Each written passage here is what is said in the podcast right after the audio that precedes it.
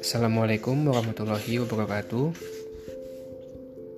Saya Erandri Fai Ramadan Hari ini, hari Sabtu, tanggal 26 September 2020 merupakan hari ke-18 dari siklus pertama saya membaca buku Seven Habits of Highly Effective People yang disusun oleh Stephen R. Covey dari Covey Leadership Center.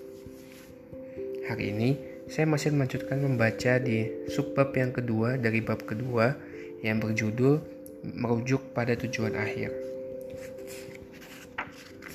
Ada beberapa poin yang saya dapatkan dari membaca pada hari ini yang dapat saya rangkum menjadi berikut. Cara terbaik untuk mengenali pusat saya sendiri adalah dengan memperhatikan secara cermat faktor-faktor yang menyokong kehidupan saya.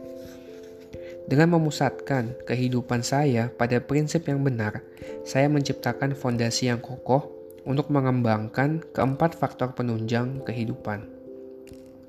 Prinsip adalah kebenaran yang dalam dan mendasar, kebenaran klasik, denominator yang generik. Prinsip selalu memiliki konsekuensi wajar yang melekat padanya. Ada konsekuensi positif ketika kita hidup selaras dengan prinsip tersebut ada konsekuensi negatif jika saya mengabaikannya.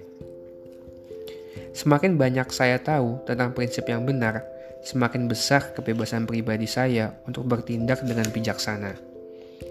Paradigma saya adalah sumber dari mana sikap dan perilaku saya mengalir.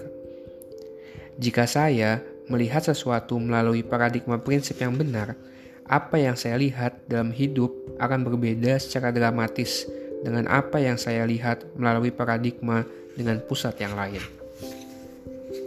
Berikut merupakan poin-poin yang saya dapatkan dari membaca pada hari ini. Terima kasih, selamat malam. Wassalamualaikum warahmatullahi wabarakatuh.